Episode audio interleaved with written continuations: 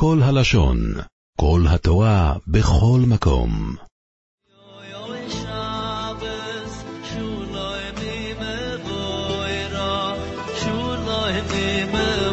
אנחנו מתחילים ללמוד היום.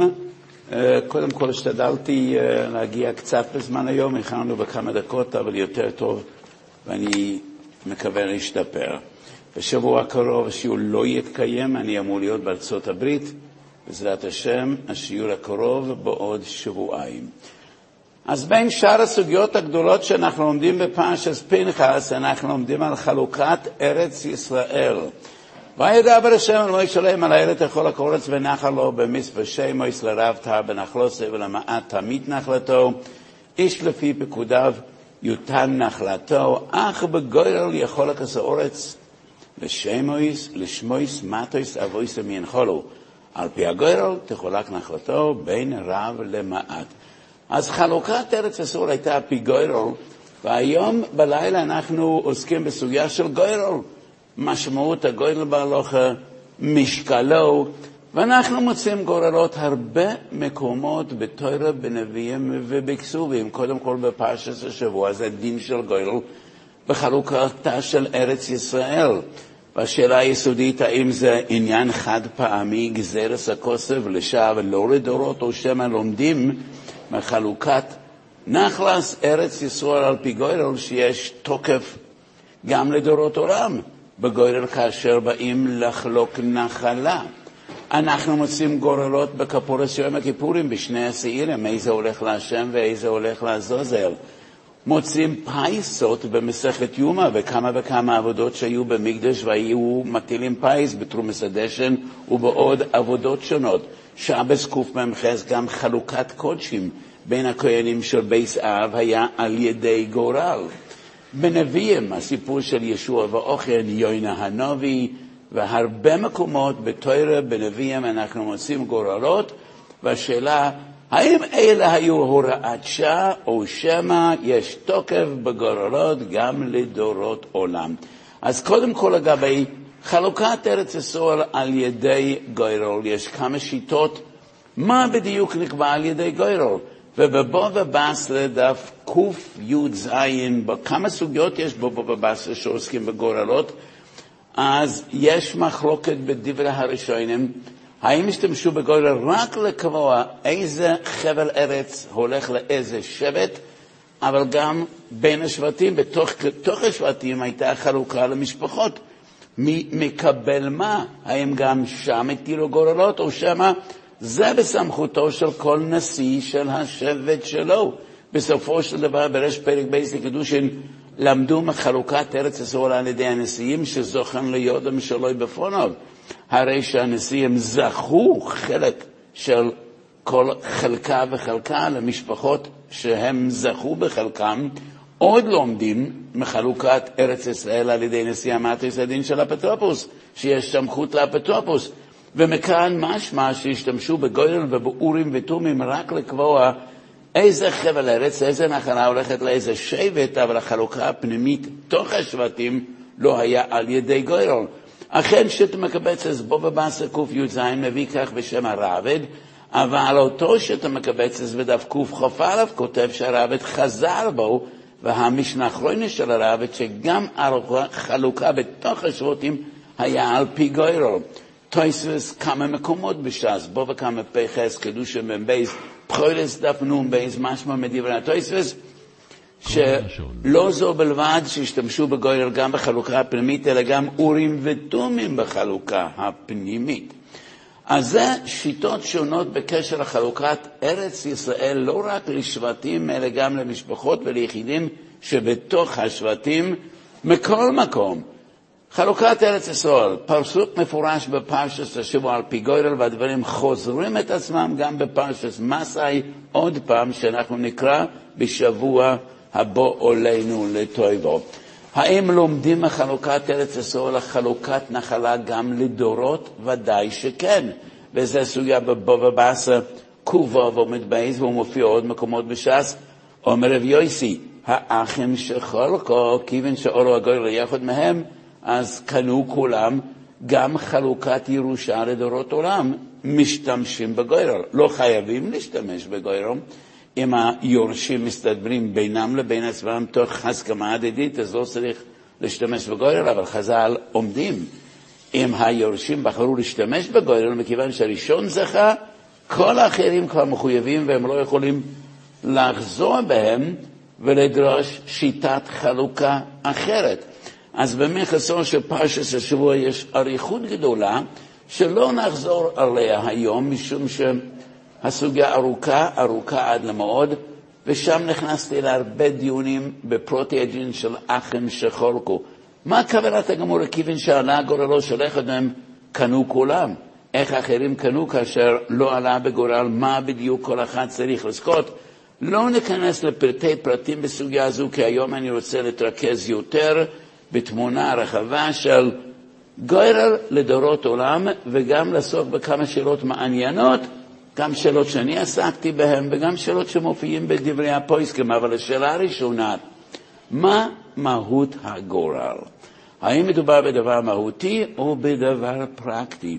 לפני כמה שבועות אני חושב שאמרתי כאן שיעור בסוגיה של תואר אלוהי בשמיימי, ועסקנו באורים ותומים, התחלנו בבסקול, בסוגיה של תנור של החנאי, הסוגיה הגדולה, עסקנו במשמעותם של דברי חלומות לגבי פסיקת הלכה.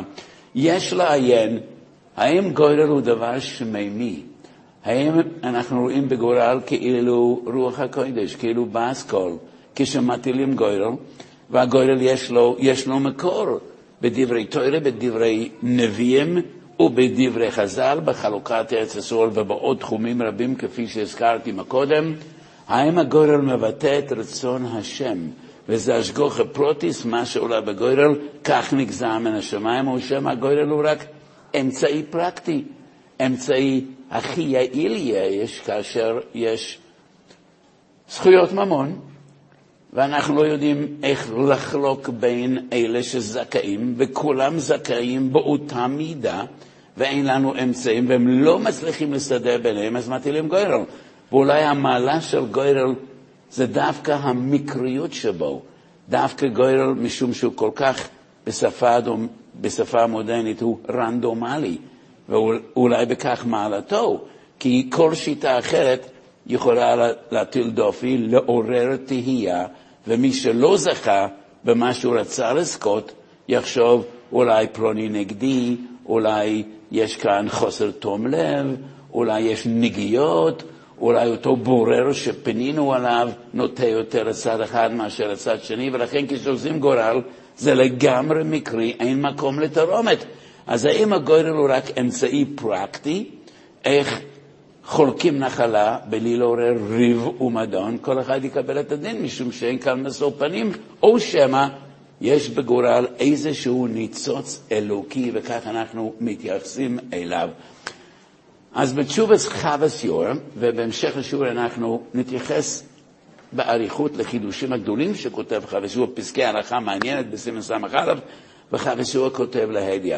גודל שנעשה כדת וכדין, כראוי ובהגינות, אנחנו מאמינים שזה דבר השם, שזה כמו נבואה, ולכן כאשר יש דופי כלשהו בדופי, והוא לא לגמרי תקני, אין בו שום תוקף, כי אז אי אפשר לומר, מאיס השם הויסו זויס, היא נפלוס בעינינו.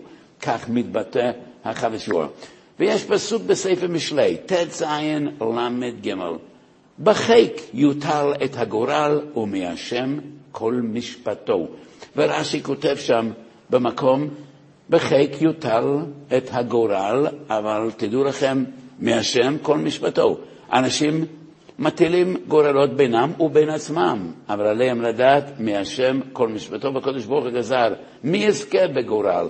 כך פירש המצודס, כך פירש הגרו והרלב"ג, אף על פי שהרלב"ג היה אחד הראשונים הפרשנים שנויים במחלוקת, אבל כאן הרלב"ג כותב דברים מיסטיים, והרלב"ג כותב, אפשר לראות בחוש, בניסיון החיים, שבדרך כלל ברי המזל הם זוכים בגורל, וקשיי היום שאין להם מזל בשום דבר אחר, הם בדרך כלל לא יזכו בגורל. אינני יודע אם הרלב"ג עשה מבדק סטטיסטי או לא, או, או זה רק רושם כללי, אבל כך כותב הרלב"ג, וזה דבר פלאי שם במשלי פרק ט"ז. בספר לפיד האש יש סיפור מדהים. ספר לפיד האש הוא ספר תולדותיו, סיפורו של הרבי מקרויזנבורג של מורי ורבי. חלק הראשון, רובו עוסק בתקופת השואה. כי אי אפשר לספר את הסיפור של הרבי מצאנז בלי להתייחס לתקופת השואה, שם הוא התעלה כמו, כמו מלאך אלוקים. אז יש שם סיפור. אני הכרתי את האיש שכתב את הספר, ובדרך כלל הוא לא כתב סתם בו במייסה סיפורי סבתא, הוא בדק את המקורות, והוא אמר לי שהוא לא הכנס שום סיפור, אלא אם כן שמע אותו ממקור ראשון. אני לא יודע, אבל אני מצטט מה שכתוב שם. רבי מקרויסנבורג לאחר השואה, כידוע, השקיע כוחות אדירים לבנות את ההריסות, ההריסות הרוחניים, וייסד ישיבות, ואובי מוירי היה ביחד איתו, הוא היה יד ימינו, וייסדו ישיבה, ובית יעקב, ובית ספר, ומקווה. וכאשר אני הייתי במינכן לפני שנתיים, הלכתי לבקר בפרנוולד. פרנוולד זה מחנה ליד מינכן, ושם היה מרכז פעילותו של הרבי מקלויזנבורג. אבי ואמי היו שם, הם התחתנו שם, אחי הבכור נולד שם בפרנוולד, אז מאוד עניין אותי לבקר במקום. יש שם מוזיאון קטן על הפעילות בפרנוולד, מכל מקום. אז הרב נסע ממחנה עקורים למחנה עקורים לחזק את היהודים, הוא הגיע למקום מסוים, והיו לו כמה טליתות, טלסקוטנס עם ציציות. והמון אנשים התקהלו והיו ממש מריבות, כל אחד רצה לזכות בציצית, אבל היו לו רק מספר ציציות והיו שם 200-300 איש שכל אחד רצה ציצית. אז הרב מקרויזר אמר, אנחנו נטיל גורל. יש לי חמש ציציות ואנחנו נעשה גורל. רץ אליו בחור אחד, חסיד גור, בחור צעיר בשם מנדל פשיטק, והוא אמר, רבה, אתה חייב לתת לי את הציצית ולאף אחד לא אחר. והאדמו"ר הסתכל עליו בתימרון ואומר, מה פתאום, למה אתה חושב שמגיע לך יותר מאשר האחרים?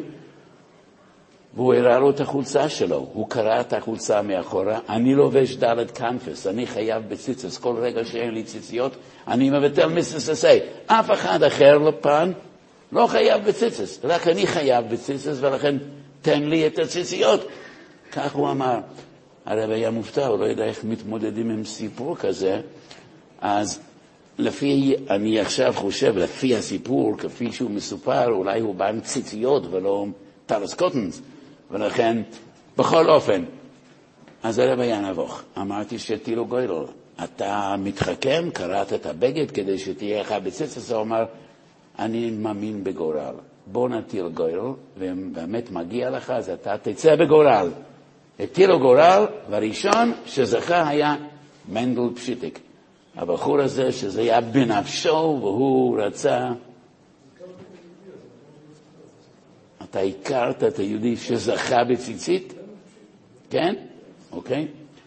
אז זה סיפור פלאי, וזה מחזק את, את הנחת היסוד של, של החבסיור, שהגוירל הוא דבר שמימי, ולא רק אמצעי פרקטי לפתור, לפתור uh, סוגיות באופן משביע רצון ולמנוע ריב ומדון. ולכאורה, שאלה זו שנויה במחלוקת בין גדולי הפויסקים לדורסיהם, ואנחנו ניתן כמה דוגמאות ונעבור מעניין לעניין. חוישה משפט סמקע"ג מביא פסחי תשובה פסק של השבוס ינקב. חלק ג' סמקס"ב, שבוס ינקב היה מחשובי הפויסקים לא רק לדורו, אלא לדורות עולם, והשבוס ינקב דן בחלוקת נחלה. ואחד המקורות העיקריים לתוקף הגורל זה חלוקת נחלה, חלוקתה של ארץ ישראל, והזכרתי מקודם, אחים שחולקו. רבי יוסי אומר, יש תוקף בגורל, ורבי אלעזר אומר, כי תחילתה של ארץ ישראל. וגם כאן, בתשובה של החבסיור, מדובר בשימוש בגורל בחלוקת נחלה. אבל בניגוד לאחים שחולקו, היורשים בחרו בשיטה אחרת. אז אבא השאיר בית פלוני ובית אלמוני ושדה והשקעות, והיה קושי לחלוק את הנחלה לרצון כולם. ולכן החליטו שיטילו גורל, והגורל יקבע למי יש בחירה ראשונה, מי שני, מי שלישי, וכך נחלוק את הגורל. כשאמי מורתי נפטרה לפני שנה וחצי, אבא נפטר לפני שבע שנים. אז עד שאמא נפטרה, כל זמן שאמא הייתה חיה, לא, לא נגענו בנחלה, לא נגענו בשום דבר, אמא גרה בבית, והכל עמד במקומו. אחרי שאמא נפטרה, אז אני וששת אחי נאלצנו לחלוק את הירושה. וכאשר הגיע לספרים ולכלי כסף, ותמיד יש דברים שנראים בעיני היורשים יותר, משמעותי, יותר משמעותיים, יותר יקרים.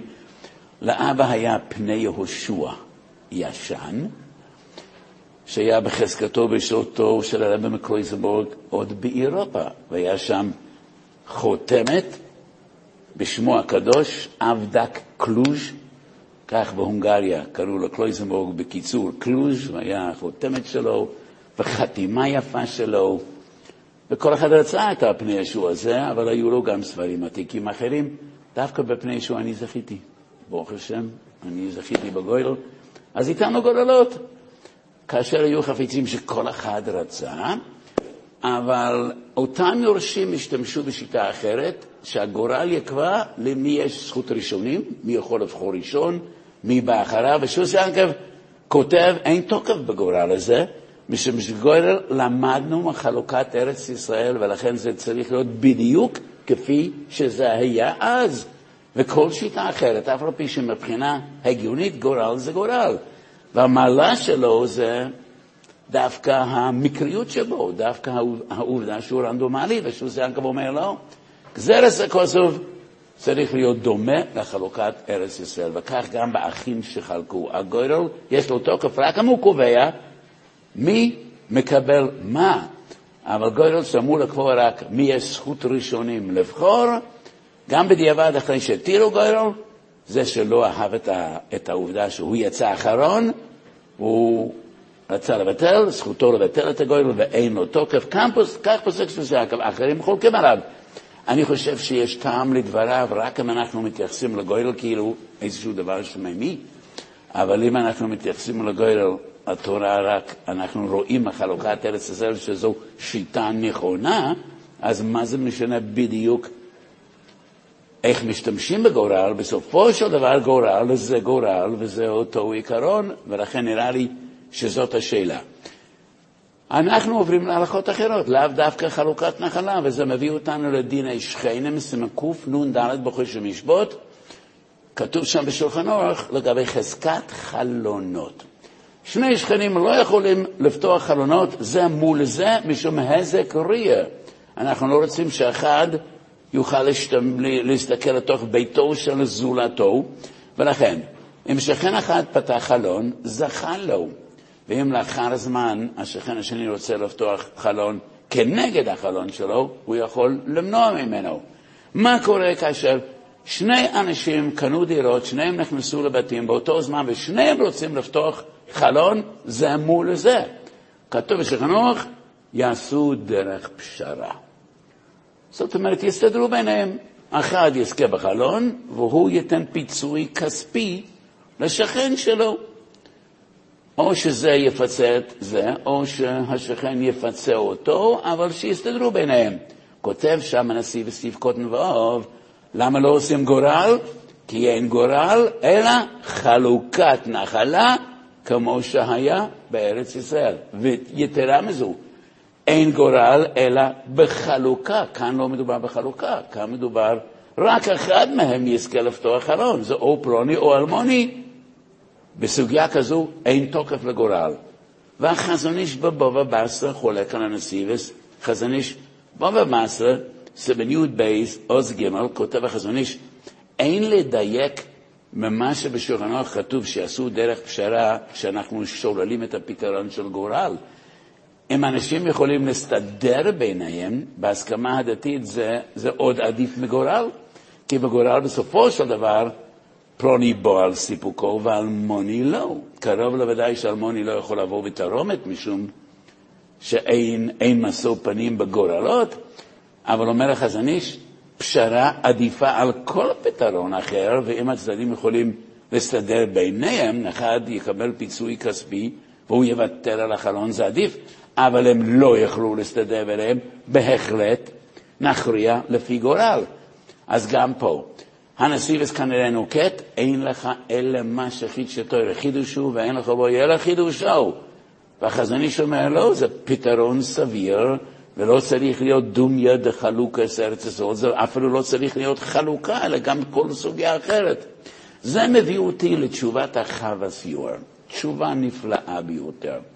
12 אנשים רצו שוב, יש ירושה, והיה דבר אחד יקר שכל היורשים רצו אותו, דווקא אותו. האבא היה לו בחזקתו דבר יקר, וכולם רצו אותו. אז עשו גורל.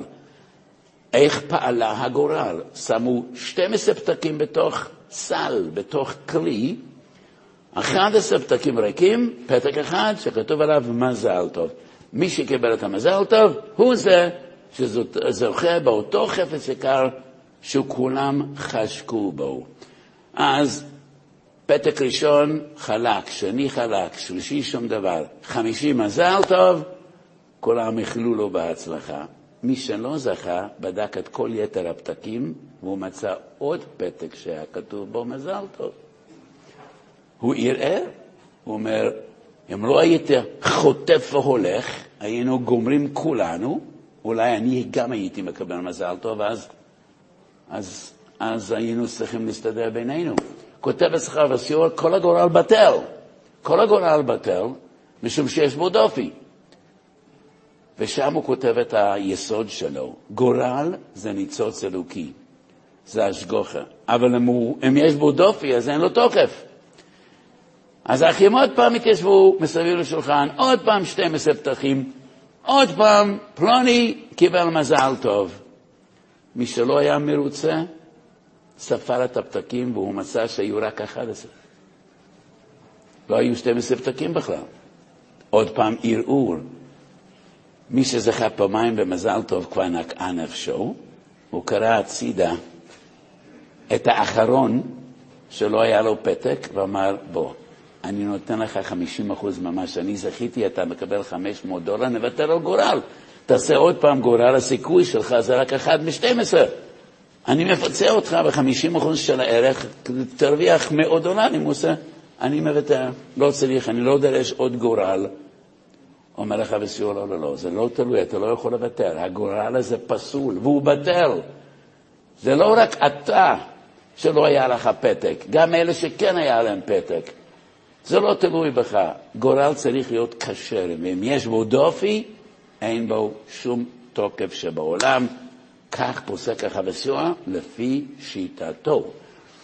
אז מה היה קורה, לפי ההיגיון, אם באמת היו שתי פתקים ממזל טוב, ושני אנשים זכו, כל אחד זכה בפתק אחר עם מזל טוב. היינו אומרים, מי שקיבל פתק ריק, יוצא מהתמונה. אותם שני אנשים צריך להטיל גורל ביניהם בלבד. אם היינו מתייחסים לגורל רק כמכשיר פרקטי בלבד, אבל אם אנחנו מתייחסים לגורל כדבר שיש בו באמת איזשהו אות מן השמיים, הוא צריך לקשר. אני חושב שמסקנת החבצור הנכונה, גם אילו היינו מניחים שהגורל הוא לגמרי מכשיר טכני, אבל הוא צריך להיות תקין, ואם הוא לא תקין, אנחנו נפסול אותו. ולא חשוב איך אנחנו מתייחסים לגורל, כך נראה לי יותר. וזה מביא אותי לשאלה נוספת שדומה לסיפור של החווה יור והגורל שלו במידה מסוימת. Uh, תשובס בי שלוים אחרי משפוט, סימן מ"ט, מדובר ביורשים,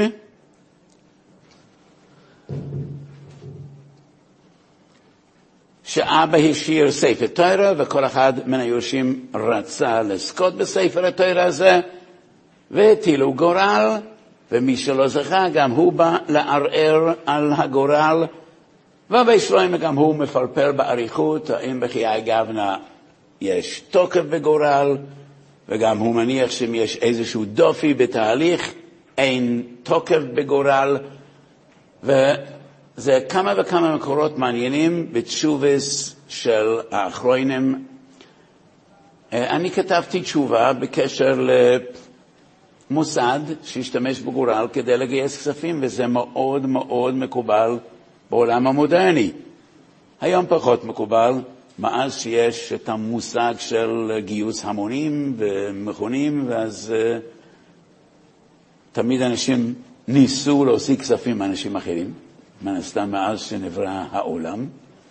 מי שאין לו תמיד ניסה לקבל ממי שיש לו, כנראה שזה חלק של הטבע האנושי, אבל מאוד היה מקובל כשהייתי צעיר, ואני משער שגם היום זה מקובל שעושים uh, גיוס, ואנשים שתורמים כסף גם יכולים לזכות במשהו, זה נותן יותר תמריץ לתרום כסף.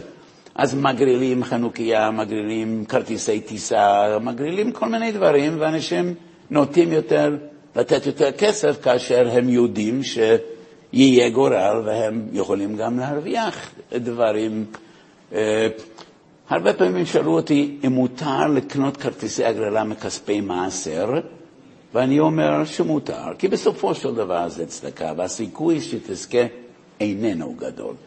כמו במפעל הפיס, כמו במפעל הפיס, הסיכוי שתזכה איננו גדול, וביסודו של דבר זה, זה צדקה, זה לא נחשב שאתה רוכש משהו או מקבל תמורה, ואני פוסק שמותר גם לרכוש כרטיסי הגרלה למוסד, לישיבה או מוסד אחר, מותר לתת מקפלי מעשר. אבל מעשה שהיה, שעשו הגרלה, ומכיוון שמדובר ב... באופרציה גדולה, התברר בסופו של דבר שכמה כמה חוברות, כמה פנקסים של הגרלות בכלל לא נכנסו לתוך הסל. ואלה שקנו את הכרטיסים מהם לא היה להם שום סיכוי לזכות. משום שהכרטיסים שלהם משום מה נאבדו במשרד, או שהילדים לא מסרו את הפנקסים מהם, ו- וזה מצוי. והיה מי שרצה לערער כל הגורל ולאלץ את המוסד לעשות הגרלה מחודשת. וזה היה בלתי אפשרי, משום שכבר הודיעו לאנשים שהם זכו וכבר חילקו את מקצת הפרסים, לבטל את הכל קודם כל השקיעו המון כסף בהגרלה הזו ובקמפיין הזה, ואני פסקתי ששונה הדבר כאשר 12 אחים מתיישבים מסביב לשולחן ומטילים גורל, ונמצא שהגורל איננו תקני. מי שקונה כרטיס הגרלה ונותן צדקה, עיקר כוונתו לתת צדקה, והוא צריך לקחת בחשבון שהסיכוי שלו שואף לאפס גם אם הגורל תקני, ואם יש סיכוי שכמה פנקסים לא ייכנסו לסל, אז הסיכוי שלו יורד בעוד חצי פרומיל, מה זה משנה? נתת צדקה, ואני חושב שבקמפיין המוני הגורל איננו בטל, למרות הפסק של החוויסיור, וצריך להפעיל שכל ישר. לגמרי לא סביר לבטל הגרלה אחרי שנעשתה בתום לב ואף אחד לא התכוון לגנוב, אז היו כמה אנשים שתרמו כספים, ו... ו... אבל אמרתי למוסד, תיתנו מתנה כלשהי, אפילו דבר קטן, איזשהו פיצוי, איזשהו תשומת לב, לכל האנשים שהכרטיסים שלהם משום מה בתום לב לא נכנסו לגורל, קנו להם איזושהי מתנה קטנה שירגישו טוב ולהראות ש... שאתם מצטערים על העובדה שהייתה תקלה כלשהי. זה היה הפסק שלי, בלי שום מקור בחוש המשפט, אלא פסק שאני חושב מושתת על השכל הישר, ולפעמים, לפעמים דיין צריך להפעיל גם שכל ישר, לפעמים. מכל מקום, אז אלה מקצת שאלות, אבל הצד השווה שבכל הדוגמאות והשאלות שהעלינו היום על שולחן מלוכים, מדובר בדיני ממונות, ועכשיו אנחנו עוברים לתוקף הגורל כאשר מדובר בשאלות של חיים ומוות. וזה מביא אותנו לסיפור של יוינה בן אמיתי, סיפור של יוינה הנובי, כפי שמסופר בספר יוינה. כאשר יוינה בורח, מה השליחות מדבר השם ואי אפשר לברוח מהקודש ברוך הוא, אם אעסוק שמיים שם עתו, והציור שאויל הינקו, והקודש ברוך הוא הולך אחריו. הוא נמצא הספינה בלב ים, והים סוער, והספינה הולכת להישבר, והמלאכים מתפללים כל אחד אל אלוהיו, ומבקשים מיוינה שהוא יתפלל, ויוינה אומר, בשבילי השר הזה הטילוני הימה, והם מפחדים ומטילים גורל, והגורל נופל על יוינה, ויוינה הוטל לים. האם גם זה אירוע חד פעמי, או שמא אפשר ללמוד מכאן הלכה לדורות? ספר חסידים, תרע"ט כותב, שאם יקרה עוד פעם שאנשים יהיו על ספינה והים סוער, והים איננו נח, ויש סכנה שכולם ירדו למצולות, מטילים גורל, ומי שגורל נופל עליו, מטילים אותו לים, כפי שעשו ליוינה, כך כותב ספר חסידים. אבל ספר חסידים כותב שצריך להטיל את הגורל שלוש פעמים, ורק אם שלוש פעמים הגורל נופל על אותו אדם, מטילים אותו הימה, כך כותב ספר חסידים. ספר חסידים הוא לא בדיוק ספר הלכתי, אבל הוא ספר חשוב ביותר שהפויסקים מצטטים רבות. הוא היה מראשוני חסידי אשכנז לפני אלף שנה, רבי יהודה חוסיד, וכך הוא כותב שאפשר ללמוד לדורות מהסיפור של יוינה, אבל הוא חדש שלוש פעמים. הוא לא מביא את הדברים, אבל רוח הקודש פיעמה בו, ובפרקי דרב אליעזר בפרק י' מסופר את הסיפור של יוינה, ויש שם תוספות מרתקות. כתוב בפרקי דרב אליעזר, שאחרי שהגורל נפל על יוינה, תירו אותו לים, והים נח מזעפו. זרקו לו חבל והעלו אותו בחזרה לספינה, כי הם לא רצו להרוג אדם. ברגע שהעלו אותו בחזרה לספינה, הים חזר לסעור. בזעם, כמו, כמו שהיה מקדם. חזרו וזרקו אותו ימה, והים נח. עוד פעם ניסו להעלות אותו לספינה, והסערה מתחדשת. ורק אז ראו שאין מנוס, זה רצון השם, זרקו אותו לים, ולא הוסיפו לנסות להציל אותו. אז בפרק דרבי זה כתוב שגם בסיפור של יוינו ניסו כמה פעמים, וזה לא פעם אחת. מה ההיגיון של להטיל שלוש גורלות? אני חושב שיש בזה היגיון עמוק. אם להשתמש בדין הנפושס בגוירו, זה לא רק לפתור בעיות. לא פותרים בעיות, כשמדובר בדין הנפושס. פרק ח' של מסכת תרומס, ירושלמי בתרומס דף מ"ז מסופר על קבוצה של יהודים שגויים אמרו, תנו לנו אחד ואנחנו נהרוג אותו, ואם לא, נהרוג את כולכם. כתוב, לא מוסרים. לא מוסרים, אם נגזר עלינו נמות, נמות כולנו, אבל ההחלטה מי יחיה ומי ימות, ההחלטה הזו רק ביד הנותן חיים. רק הקדוש ברוך הוא מחליט מי יחיה ומי ימוס, ואנחנו לא יכולים לעשות את ההחלטה הזו. ובהכרח שאנחנו סומכים שגוירל זה משהו שמימי. אבל מי אומר שאנחנו ראויים? יש מושג של גוירל הגרו. וזה מושג אפוף מסתורים. אין לו מקורות לא בחז"ל ולא בדברי הראשונים. המקור הראשון נמצא באחד מספרי הקודש, על פי קבלה 200 שנה לפני הגרו, שכאשר יש דילמות קשות שנוגעות לציבור הרחב, שאלות של חיים ומוות, יש איזושהי סגולה, איזושהי דרך, איזושהי נוסחה, שסופרים פסוקים, וזה כאין נבואה, וזה קרוי גוי לגרו. גם בדורות האחרונים היו כמה גדולים שהשתמשו בגוי לגרו.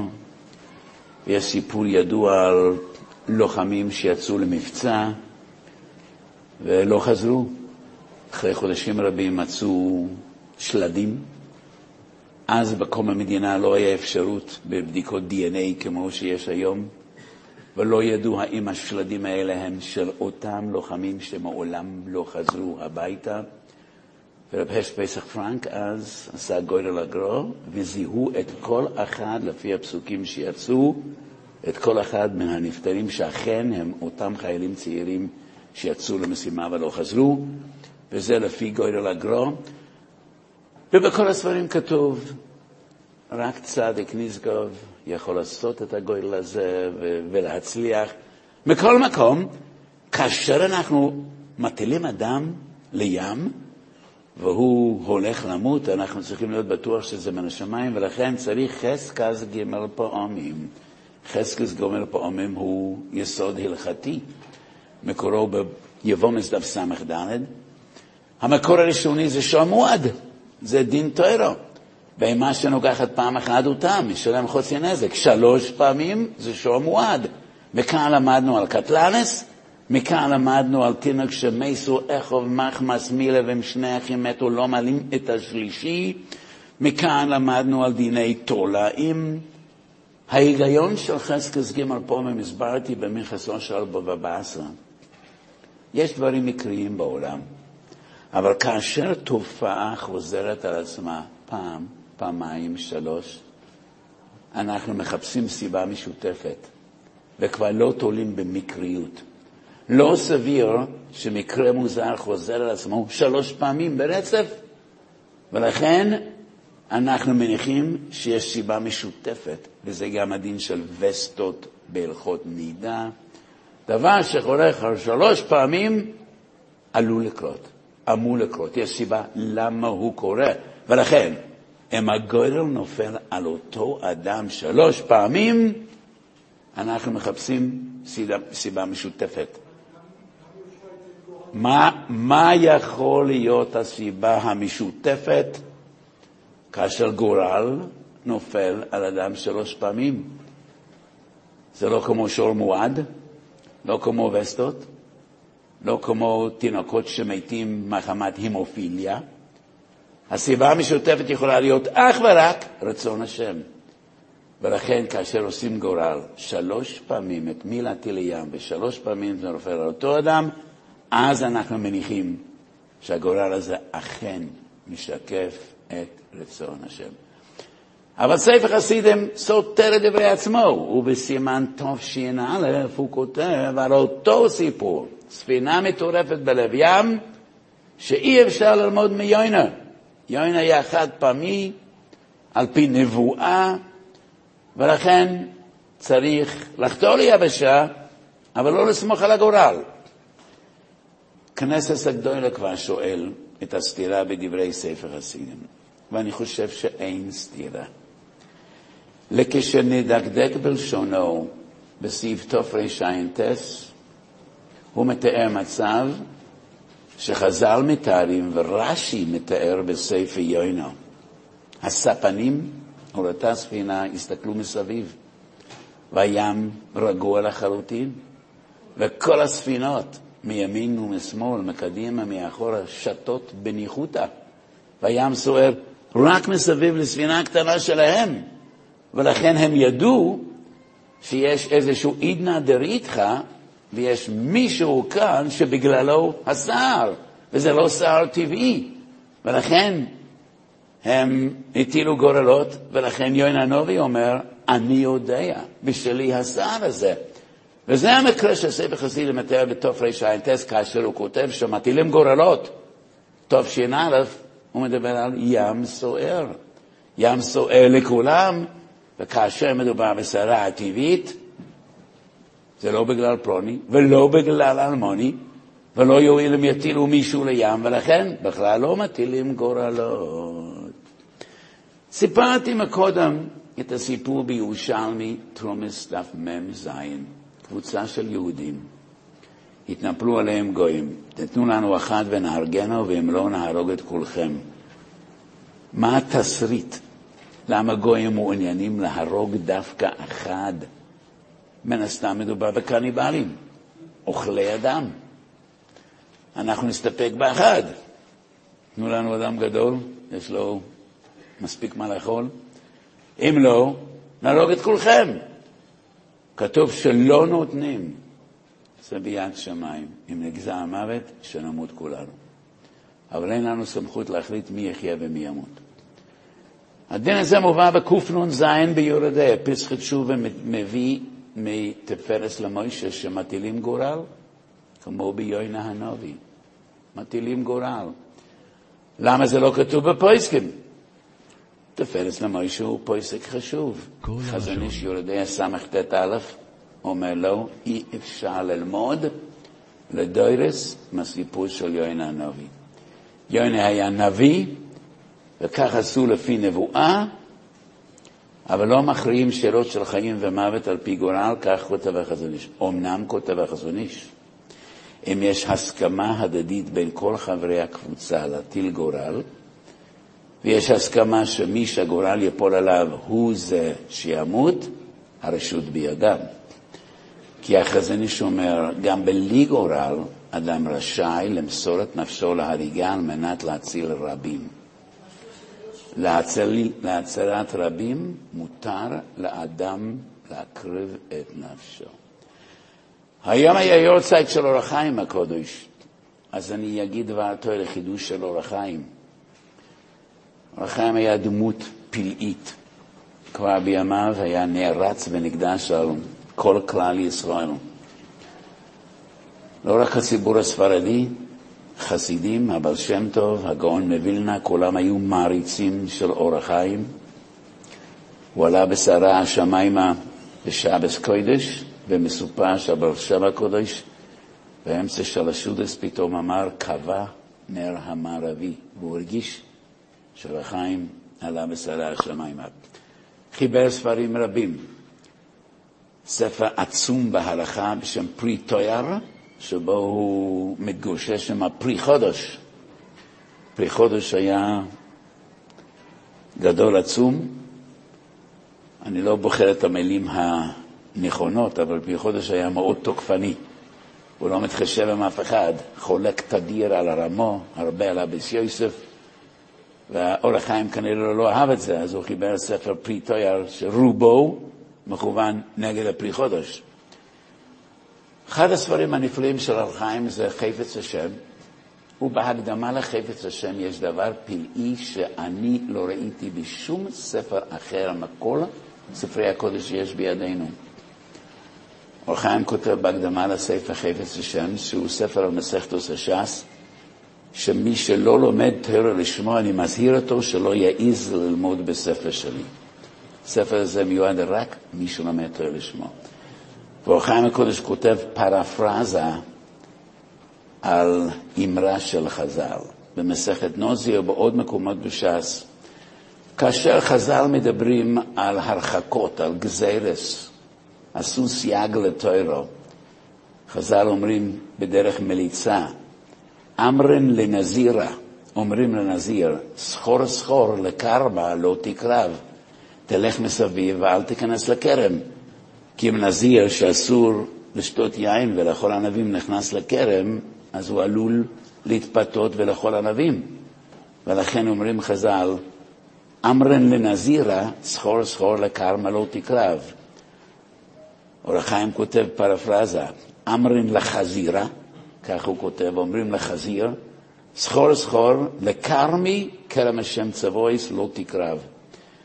אל תעז להיכנס לכרם שלי, אם אתה לא לומד תורה לשמו בביטוי חריף, אמרן לחזירה, ככה הוא כותב. שמעתי פעם הנשיא לשלום, שהוא אמר לי שהיום כבר הותרה הריצוע, היום כבר מותר ללמוד. התפלאתי למה היום כבר מותר. אני משער שאור החיים הקודש קיווה שאנשים כל כך ירצו ללמוד את הספר שלו, אז הם ילמדו תורה לשמו.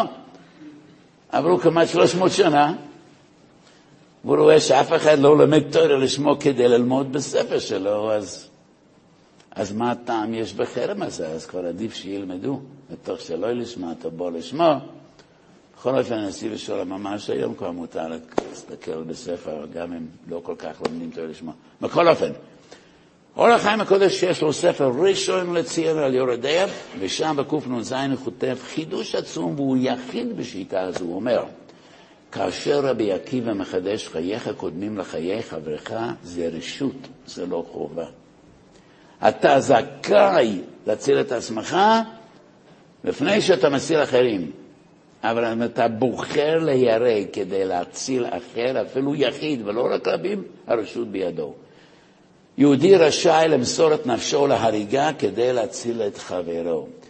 ורבי עקיבא כשאומר חייך קודמין זה רשות. אתה זכאי לשתות לבד את הקיטון של מים ולא לחלוק אותו על מישהו אחר.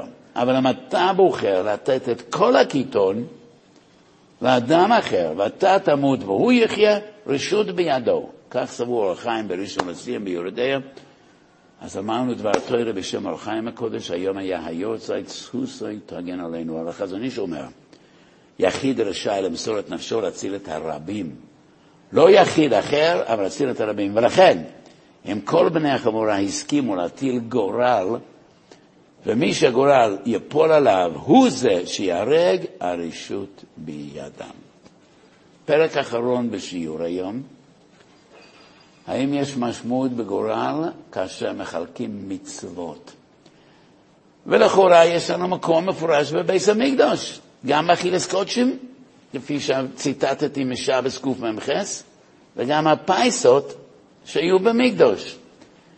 ולכן כותב מוגן אברהם סימן קל"ב, סעיף קוטן בייז. שני חיובים, ורק אחד יכול לומר קדיש. יש מנהגים שונים בקשר לקדיש. חסידים ברובם נוהגים, וכך נוהגים בבית מדרשי, שגם אנשים רבים יכולים לומר קדיש יתום. אצל היקים, הרבה קהילות אשכנז, רק אדם אחד אומר קדיש. אז אם יש שני חיובים, מטילים גורל. וכך פוסק מוגן אברום קל"ב מטילים גורל.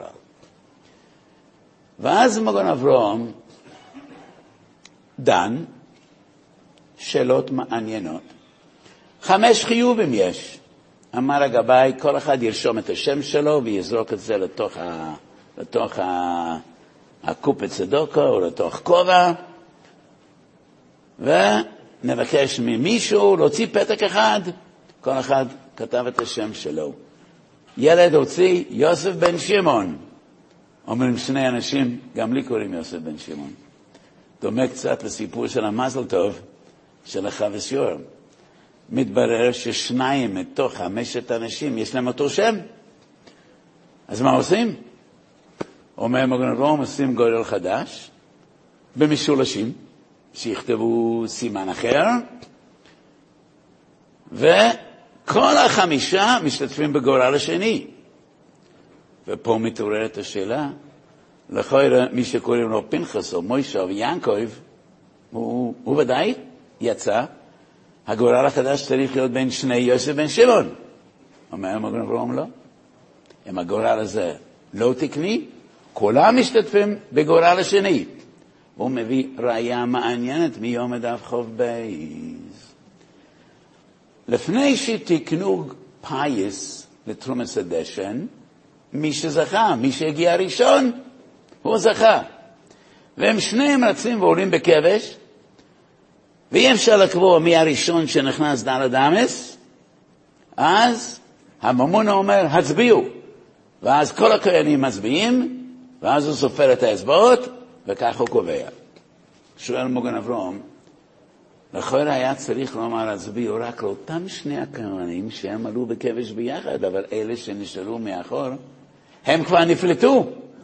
אז למה פתאום כולם מצביעים? אומר מוגן אברום, מכאן רואים שאם הגורל לא הכריע וצריך עוד פעם לעשות, לכולם יש הזדמנות שנייה. יש גדול האחרונים שחולקים עליו, מעיל סדוקס סימן י', אה, שוס ינקב, חלק ג' סמך ד', והם אומרים, אין הנידון דומה לראיה. בקדש איתנו גורל. גורל ראשון הוציא שלוש אנשים מן הכלל. הגורל לא הכריע בין שני יוסף בן שמן. הגורל החדש צריך להיות בין שניהם. למה לתת עוד פעם הזדמנות לראשונים? כאשר רצו ועלו בכבש, השיטה הזו לא, הוא, לא הפיקה, לא הוציאה ווינר. אף אחד לא זכה. אנחנו עוברים לשיטה אחרת. בשיטה אחרת כולם זכאים להשתתף. אבל גורל אחרי גורל, למה הגורל השני צריך לתת הזדמנות חדשה לאלה שנפלטו על ידי הגורל הראשון. ויכוח מעניין. כנראה ששיטת המוגן אברום מוסברת לפי החווה יואר, אבל אם יש דופי כלשהו בגורל, הוא איננו לגמרי תקני, אז הוא פסול. ולכן כל חמשת החיובים משתתפים בגורל השני.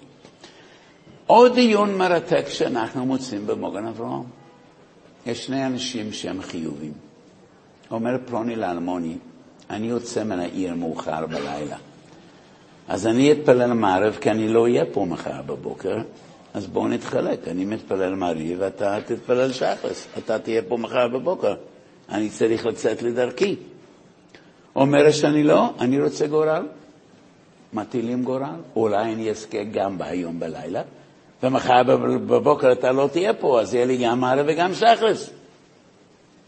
אומר המוגן אברהם, הוא צודק, מטילים גורל. אם אנחנו מתייחסים לגורל כדבר אלוקי, מבינים את דברי המוגן אברהם. אולי זה מן השמיים שאני אזכה, אולי קרוב המשפחה שלי צריך תיקון יתר, לא יודעים.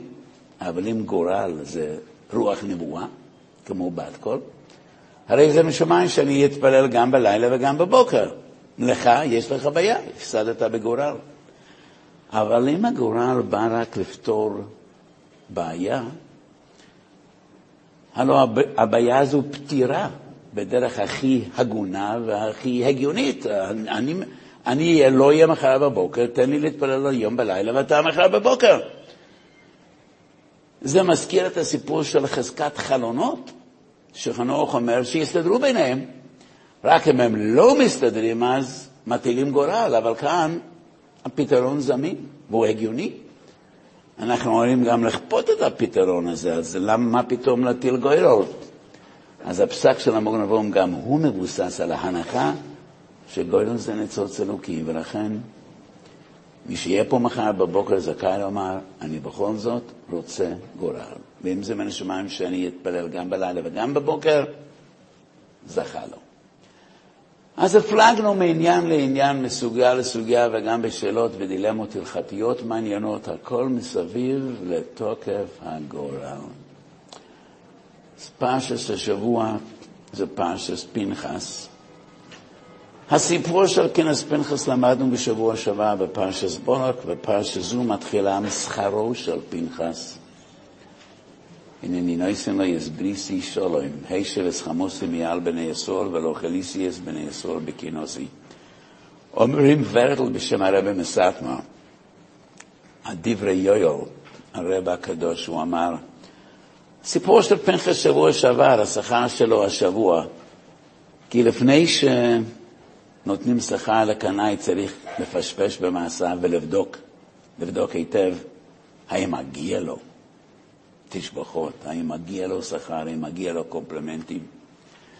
כי קנאות צריכה לצאת מתוך לב רחום, בלי שמץ של כעס, בלי שמץ של איבה. קנאות אמורה להיות לשם שמיים. הסוגיה של בויל הרמז שקנו עם פויגן בוי, וזה הסיפור של כנס פנחס, זה דיון גדול במשנה ובגמורה בסנהדרין דף פ"ב. ושם כתוב שפנחס בא לשאול את מוישה רבנו מה לעשות. ומוישה אמר לפנחס, קריינה דאיגר תאיו להווה פרוונקים, אתה בא לשאול, אתה יודע, אתה יודע מה שלמדנו, הלוך ואין מוירין, כן, זה לא חובה, אבל תעשה מה שאתה מבין שצריך לעשות כדי לקדש שם שמיים. חידוש שהר"ן כותב, שפנחס שאל את מוישה, האם אני ראוי לכך? ומוישה ענה לו, אין אדם ראוי ממך. ולמדנו מחידוש הר"ן, לא כל אחד יכול להיות קנאי, צריך להיות ראוי. ופנחס בא לשאול את מוישה רבנו, את רבו הגדול, האם אני ראוי להיות קנאי? ומוישה אמר, אין ראוי ממך. מה צריך להיות ראוי? החופץ חיים, כמה מקומות בספרים שלו, מביא מהסמק חידוש עצום. לא בסוגיה של כינס פנחס, בואי לרמז כנועם פויגם בואי, אלא בסוגיה של הרוידף אחר נער המרוסו, ניתן להצילו בנפשו. ההבדל הוא כינס פנחס איננה חובה, זה רשות. חז"ל מגדירים הלכה ואין מורים כן, אבל הריגת הרודף זה חובה. ואף על פי כן כותב הסמ"ק, הרודף אחר נער המרוסה ניתן להציל בנפשי, המציל ייזהר מאוד שלא ייכשל באותו עוון. אם ייכשל באותו עוון, ייחשב בידו כאילו שפך דם נקי. אם הוא ייכשל באריות, זה ייחשב כאילו שפך דם נקי, ומן השמיים ישאלו אותו, אתה הרגת אדם בגלל שהוא רצה לעבור על ערווה, ואתה לא, לא יותר טוב ממנו, ייחשב כאילו שפך דם נקי. ומכאן לומדים, מי שבא לפגוע באדם צריך להיות ראוי לכך, וצריך שיהיה כוונתו לשם שמיים. אז הוורטל הזה שאמרתי בשם הרב מסטמר, הדברי יואל היה הקנאי הגדול של התקופה. והוא היה איש החסד הגדול של התקופה, עם לב רחום מאין כמותו, שאהב כל אדם, שריחם על כל אדם, היה עמוד החסד ופיזר את ממונו לכולם. גם אלה שחלקו על שיטתו, גם אלה שהוא חלק לגמרי על שיטתם. הוא היה דוגמה לקנאי, קנאי לשם שמיים וקנאי בעל חמלה ורחמים.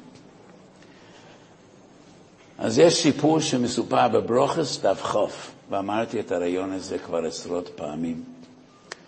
רב פופה שואל את אביי, מה ישנו לשוינם דסרחש להוניסה, ואנחנו לא זוכים לניסים? אולי הם היו תלמידי חכמים גדולים, ממנו? לא.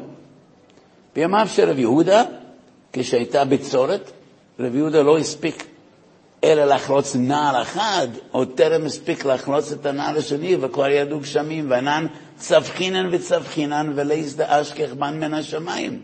אנחנו צועקים ומתפללים וזה לא עוזר, ואנחנו למדנים יותר גדולים מהדור של רב יהודה. מסביר אביי.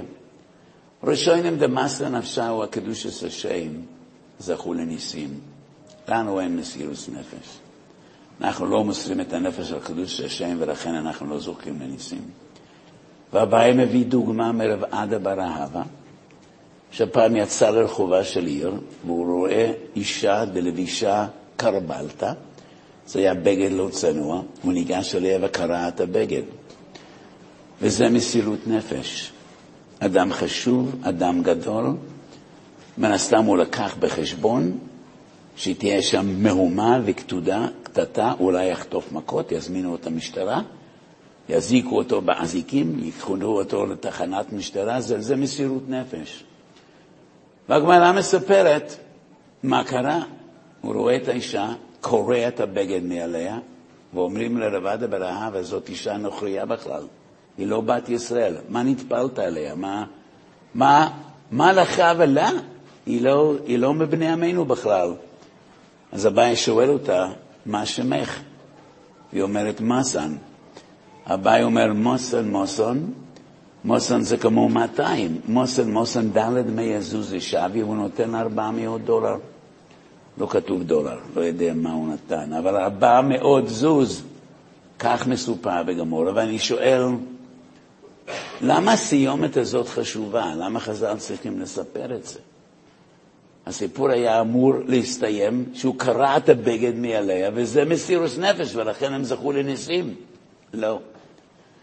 כי לפני שאנחנו מאדירים ומהללים אדם שקורע בגדים בשוק, אנחנו צריכים לדעת מי זה רב עדה ברהבה, איזה סוג אדם הוא. אתם רוצים לדעת מי הוא. כי כשאמרו לה שמדובר באישה נכריה, אני חושב שהרבה אנשים היו אומרים, היא גויה? בואו נעשה פלייטה, היו רצים ומתרחקים מהמקום. היו מפלפלים, גזלק הוא מותר או אסור, מה זה כשל גוי, לא ברור שהוא חייב, אולי היא אשמה, היא לא הייתה אמורה ללבוש בגד כזה, אני, כל מיני סברות. שואל אותה מה שמך.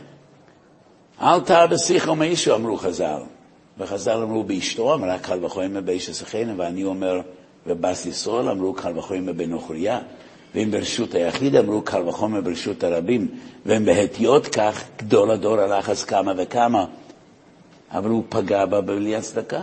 אישה נוכריה, היא לא, היא לא מצווה במצוות שלנו, ולכן הוא שואל אותו מה שמך. היא אומרת מוסן. הוא לא מתחיל לשאול אותו איפה קנית את הבגד וכמה שילמת, וכמה זמן בכלל את לובשת את הבגד, כמה שווה בגד משומש. אולי אני אלך לחנות, אולי ניקח שמאי. ודלת מי זוזה הוא משלם לה, זה רבדה ברהבה. בירושלמי סוף מסכת תנס, שאלו את רבדה ברהבה, במה הרחתו יומים? באיזה זכות הרחת ימים? ורבדה ברהבה אומר, מימי לא הקפדתי בתוך ביתי. מימי לא הקפדתי בתוך ביתי. כמה אנשים אתם מכירים שיכולים להעיד על עצמם, והוא האריך ימים, שאלתו במה הארכת ימים. אף פעם לא הרמתי את הכל בבית, לא על אשתי, לא על הילדים ולא על אף אחד מבני המשפחה.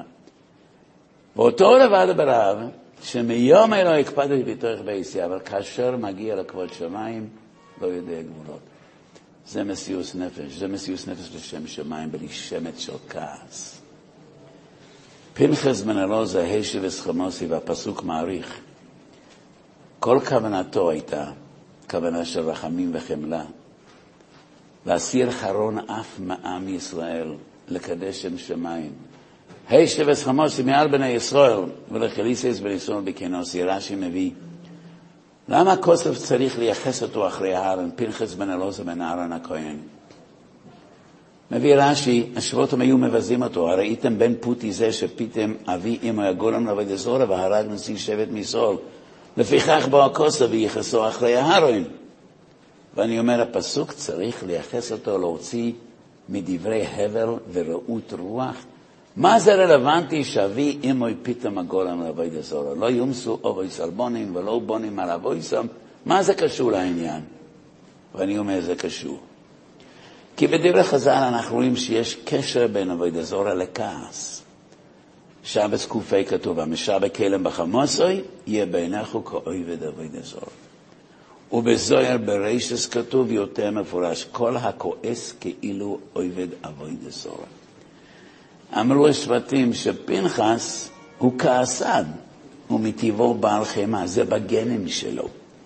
סבא שלו היה עובד אבוי דסורה, פתאום הגולס אבוי דסורה, והוא משבר כלם בחמוסוי, שהוא כעובד אבוי דסורה, ולא רק משבר כלם, הוא קורע בגדים ומשבר כלים והורג אנשים, הוא בעל כעס. אז אל תתפעלו ממנו כל כך. בוא הכוסף, והפסוק אומר, אתם צודקים, זה הגנים שלו, אבל טעיתם בין סבא לסבא. הגנים שלו זה לא אותו סבא שפתאום מביא אמו גולם לעובד הזורה. היה לו סבא אחר, פנחס בן אלעזר בן אהרן הכהן, ואהרן הכהן היה אויב שולם, ורוידב שולם, ואויב סבי יסום הכהן התוירה. אלה הגנים של פנחס. ואלה הגנים שהביאו אותו לעשות מעשה ולקדש שם שמיים.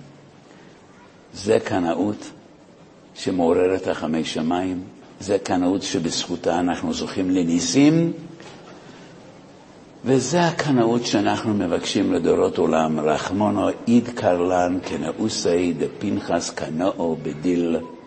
ויעבור ויעבר שם על פונה ויקרו שלוש עשרה מידה של רחמים, שזה הדביק במידוי סוף, מה הוא רחום, אף את הוא רחום, מה הוא חנון, אף את הוא חנון, וזה שאנחנו מתפללים רחמונאית קלון, זה חיסי דפנחס קנו, ובכך יתעוררו רחמי שמיים של י"ג מידה של רחמים. אז יהיה רצון שהקדוש ברוך הוא יזכור לנו כנוסי דפנחס קנו, ונזכה לישוע סילומים. ולבשורות טובות ולביאס גואל צדק. בשבוע הבא, שהוא לא יתקיים, אני אמור להיות בחוץ לארץ בעז השם יסבורך בעוד שבועיים. עולם שלם של תוכן מחכה לך בכל הלשון, 03 617 1111